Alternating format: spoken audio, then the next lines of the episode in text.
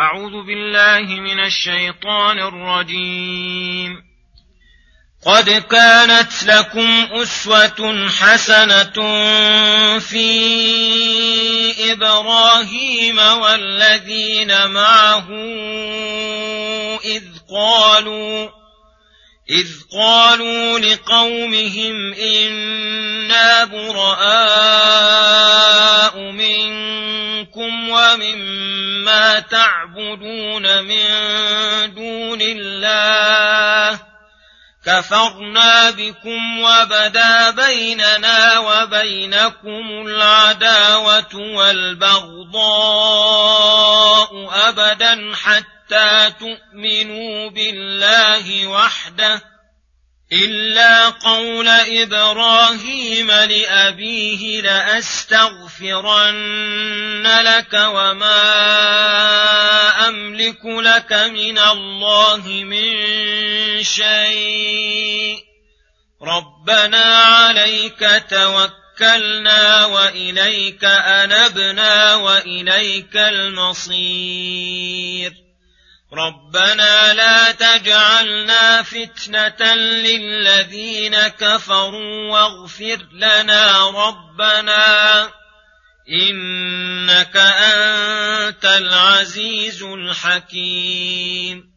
لقد كان لكم فيهم أسوة حسنة لمن كان يرجو الله واليوم الآخر ۖ. ومن يتول فإن الله هو الغني الحميد.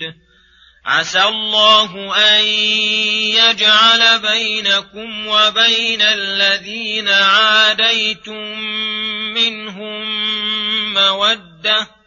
والله قدير والله غفور رحيم.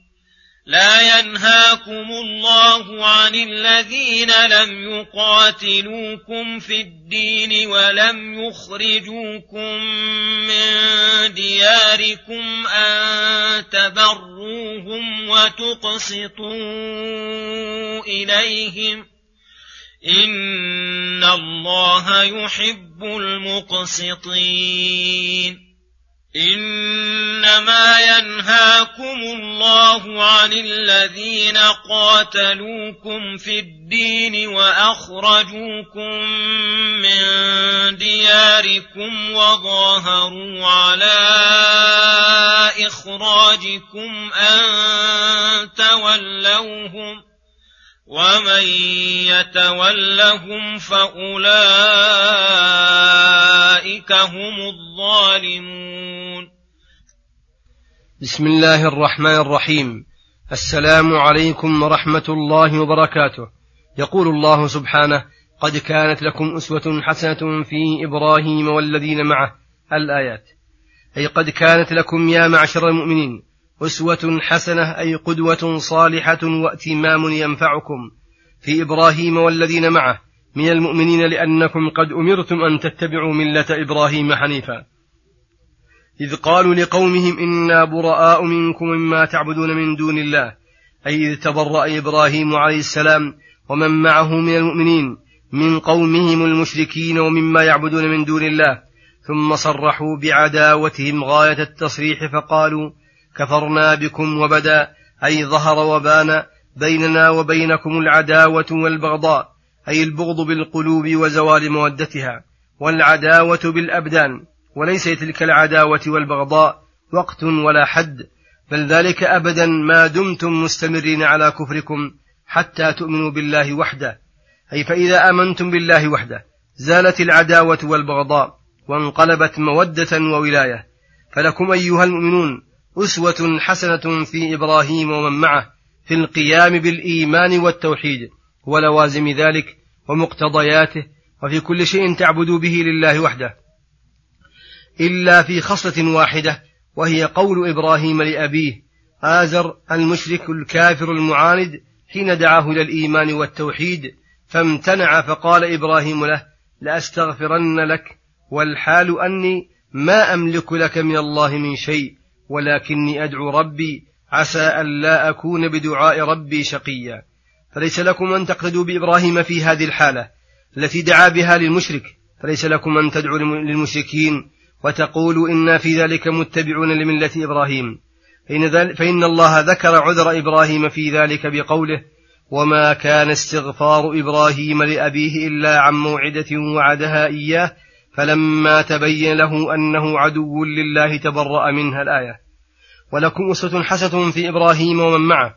حين دعوا الله وتوكلوا عليه وأنابوا إليه واعترفوا بالعجز والتقصير فقالوا ربنا عليك توكلنا أي اعتمدنا عليك في جلب ما ينفعنا ودفع ما يضرنا ووثقنا بك يا ربنا في ذلك وإليك أنبنا أي رجعنا إلى طاعتك ومرضاتك وجميع ما يقرب إليك.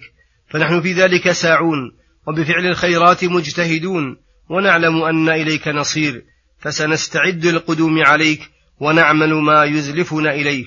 ربنا لا تجعلنا فتة للذين كفروا أي لا تسلطهم علينا بذنوبنا فيفتنونا ويمنعونا مما يقدرون عليه من أمور الإيمان ويفتنون أيضا بأنفسهم فإنهم إذا رأوا لهم الغلبة ظنوا أنهم على الحق وأن على الباطل فازدادوا كفرا وطغيانا. واغفر لنا ما اقترفنا من الذنوب والسيئات وما قصرنا به من المأمورات. ربنا إنك أنت العزيز القاهر لكل شيء الحكيم الذي يضع الأشياء مواضعها. فبعزتك وحكمتك انصرنا على أعدائنا واغفر لنا ذنوبنا وأصلح عيوبنا. ثم كرر الحث على الاقتداء بهم وقال لقد كان لكم فيهم أسوة حسنة وليس كل أحد تسهل عليه هذه الأسوة. إنما تسهل لمن كان يرجو الله واليوم الآخر. فإن الإيمان واحتساب الأجر والثواب يسهل على العبد كل عس كل عسير ويقلل لديه كل كثير ويوجب له الاقتداء بعباد الله الصالحين والأنبياء والمرسلين فإنه, فإنه يرى نفسه مفتقرا مضطرا إلى ذلك غاية الاضطرار. ومن يتولى عن طاعة الله والتأسي برسول الله فلن يضر إلا نفسه ولا يضر الله شيئا. فإن الله هو الغني الذي له الغنى التام المطلق من جميع الوجوه فلا يحتاج إلى أحد من خلقه بوجه من الوجوه. الحميد في ذاته وصفاته وأفعاله فإنه محمود على ذلك كله. ثم أخبر تعالى أن هذه العداوة التي أمر بها المؤمنين المشركين ووصفهم بالقيام بها أنهم ما داموا على شركهم وكفرهم وأنهم إن انتقلوا إلى الإيمان فإن الحكم يدور مع علته والمودة الإيمانية ترجع. فلا تيأسوا أيها المؤمنون من رجوعهم من الإيمان. فعسى الله أن يجعل بينكم وبين الذين عاديتم منهم مودة سببها رجوعهم من الإيمان. والله قدير على كل شيء. من ذلك هداية القلوب وتقليبها من حال إلى حال. والله غفور رحيم. لا يتعاظمه ذنب أن يغفره ولا عيب أن يستره. قل يا عبادي الذين أسرفوا على أنفسهم لا تقنطوا من رحمة الله. إن الله يغفر الذنوب جميعا إنه هو الغفور الرحيم. وفي هذه الآية إشارة وبشارة بإسلام بعض المشركين الذين كانوا إذ ذاك أعداء للمؤمنين. فقد وقع ذلك ولله الحمد والمنة. ولما نزلت هذه الآيات الكريمات المهيجة على عداوة الكافرين وقعت من المؤمنين كل موقع وقاموا بها أتم القيام وتأثموا من صلة بعض أقاربهم المشركين وظنوا أن ذلك داخل فيما نهى الله عنه. فأخبرهم الله أن ذلك لا يدخل في المحرم فقال لا ينهاكم الله عن الذين لم يقاتلوكم في الدين ولم يخرجوكم من دياركم أن تبروهم وتقسطوا إليهم إن الله يحب المقسطين أي لا ينهاكم الله عن البر والصلة والمكافأة بالمعروف والقسط للمشركين من أقاربكم وغيرهم حيث كانوا بحال لم ينصبوا لقتالكم في الدين والإخراج من دياركم فليس عليكم جناح أن تصلوهم فإن صلتهم في هذه الحال لا محذور فيها ولا تبعة كما قال تعالى في الأبوين الكافرين إذا كان ولدهما مسلما وإن جاهداك على أن تشرك به ما ليس لك به علم فلا تطعهما وصاحبهما في الدنيا معروفا وقوله إنما ينهاكم الله عن الذين قاتلوكم في الدين أي لأجل دينكم عداوة لدين الله ولمن قام به أخرجوكم من دياركم وظاهروا أي عاونوا غيرهم على إخراجكم.